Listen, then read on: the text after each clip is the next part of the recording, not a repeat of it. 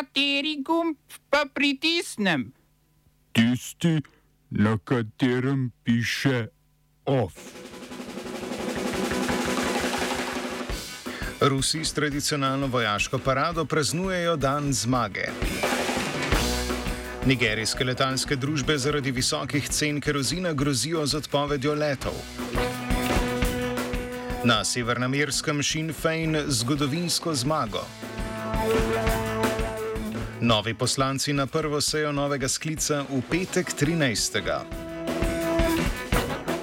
V kulturnih novicah zapostavljenost neplačanega dela.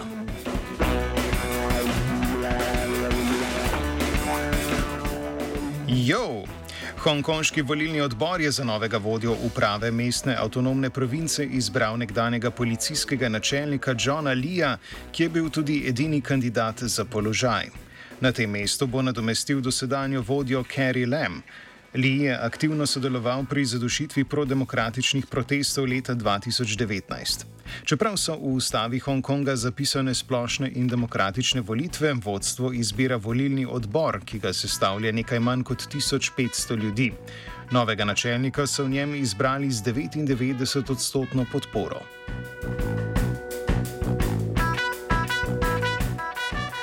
V najbolj severni deželi Nemčije, Šlezvik-Holstein, so potekale volitve v deželni parlament. Zmago je z močno izboljšanim rezultatom in z več kot 40 odstotki glasov pobrala krščansko-demokratska CDU, ki je deželno vlado vodila že do sedaj. Vladala je v okviru tako imenovane jamajške koalicije, torej skupaj z liberalno FDP in zelenimi. V parlament so se ponovno vrstili tudi zeleni s precej izboljšanim rezultatom, socialdemokratska SPD, FDP ter stranka danske manjšine. Petodstotnega parlamentarnega praga ni dosegla skrajno desna alternativa za Nemčijo in se tako poslavlja iz državnega parlamenta. Leva Dilinke je bila brez poslancev že do sedaj in bo, kot kaže, še naslednjih pet let. Glede na rezultate bo predsednik državne vlade najverjetneje ostal Daniel Günta, ki za večino potrebuje le še eno koalicijsko partnerico.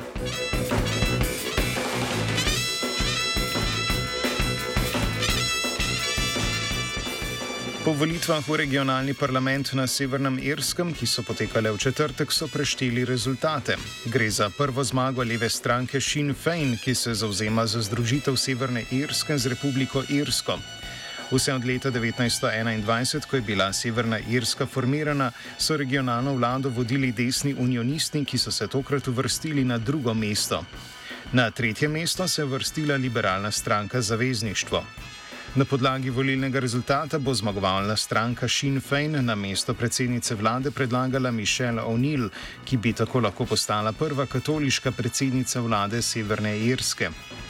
V vladi bodo na podlagi velikonočnega sporazuma iz leta 1998, ki določa deljeno oblast med vsemi strankami, primorani sodelovati z unionisti.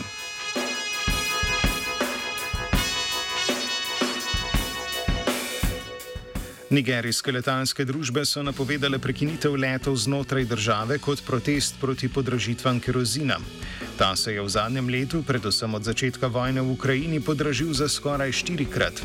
Predtem je bila po besedah nigerijskega operatorja letalskih linij cena za liter kerozina 45 centov, sedaj pa znaša 1,6 evra.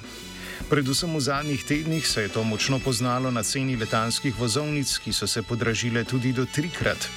Napoved prekinitve letov, ki bi morala v veljavo stopiti danes, so sicer že preklicali, saj se je nigerijska vlada odločila, da bo z njimi nadaljevala pogajanja glede možnih rešitev problema.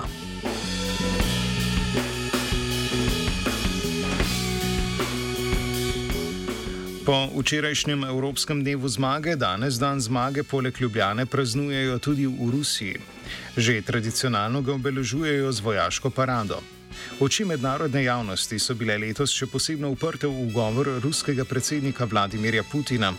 V njem je povedal, da je bila posebna vojaška operacija za Rusijo nujna in pravočasna, saj naj bi Zahod načrtoval napad na Donbas in Krim.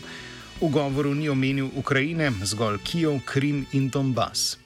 Ruski predsednik prav tako ni podal nobenih novih napovedi, kdaj in pod kakšnimi pogoji bi bila Rusija pripravljena končati svoje vojaško posredovanje v Ukrajini.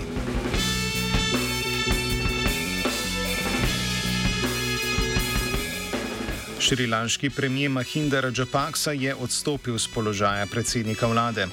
Odstop je sledil nasilnim spopadom med premijevimi privrženci in protivladnimi protestniki. V spopadih je bilo ranjenih najmanj 78 ljudi, umrl pa je tudi poslanec vladajoče stranke. Premijera Džapaksa je odstopno pismo poslal svojemu mlajšemu bratu, ki opravlja funkcijo predsednika države, Gotabaji Rajapaksi. Z odstopom želi po lastnih besedah odpreti pot oblikovanju nove vlade enotnosti. Šrilanka zaradi paca vrednosti svoje valute, odplačevanja tujih dolarskih dolgov in visokih cen na svetovnih trgih ne more več plačevati uvoza surovin, predvsem energentov, naprimer utekočinjenega naftnega plina za kuhanje. Oba, če, če bom odgovoril na angliški. Slovenija bo poskušala pomagati. Slovenija bo naredila naš utmost, da bo rekla, da je situacija naš problem, ourselves. In da bomo naredili nadaljnje korake, as soon as the conditions are. Bomo vlado Marjana Cererera Šarca podprli. Zelo, zelo resno. Slovenija. We know how and we will. Zoran Jankovič je na tiskovni konferenci ob dnevu Ljubljane, ki se upada z dnevom zmage, napovedal, da se bo potegoval za nov mandat na čelu mestne občine Ljubljana. Dragi Ljubljančani, Ljubljančani, če ste bili z nami zadovoljni, če ste nam zaupali, smo pripravljeni vzeti še en mandat. Jeseni bom skupaj z Zoranom Jankovičem spet na glasovnicah. Če mu ta podvig uspe, bo to že njegov peti mandat na funkciji župana glavnega mesta. Prestolnico z izjemo kratke avanture na mestu poslancev v državnem zboru vodi 16 let. Državna volilna komisija je potrdila uradne rezultate volitev v deveti sklic državnega zbora in jih posredovala predsedniku države Borutu Pahorju. V uradnih rezultatih je prišlo do nekaterih sprememb. Po preverjanju izračuna poslanskih mandatov, ki so ga upravili na fakulteti za matematiko in fiziko ter v podjetjih Intelcom in Genis, so ugotovili, da je računalniški algoritem, ki ga je uporabljala Državna volilna komisija, vseboval napako v programski kodi. Enak program so sicer uporabljali že na zadnjih dvojih volitvah, a na DVK zagotavljajo, da do napak takrat ni prišlo. Šest kandidatov za poslance se tako od parlamenta poslavlja, še preden bi ga zares videli od znotraj. V parlament se z novim izračunom tako med drugim vrača dosedani poslanec SDS Dejan Kaloh. Zaradi napake je Janez Janša, zaenkrat še predsednik vlade, po standardnih komunikacijskih kanalih celotno volilno komisijo pozval k odstopu.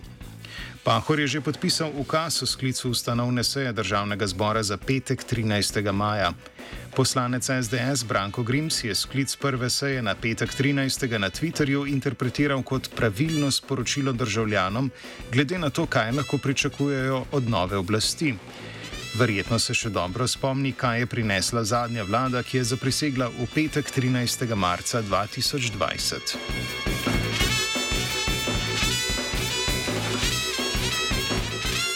Več v zvezi z novo izvoljenimi poslanci in njihovimi načrti za prihajajoči mandat lahko izveste ob 19. uri v Pritličju, kjer aktualno politična redakcija Radia Student pripravlja okroglo mizo o brojstnem dnevu radia. Vabljeni.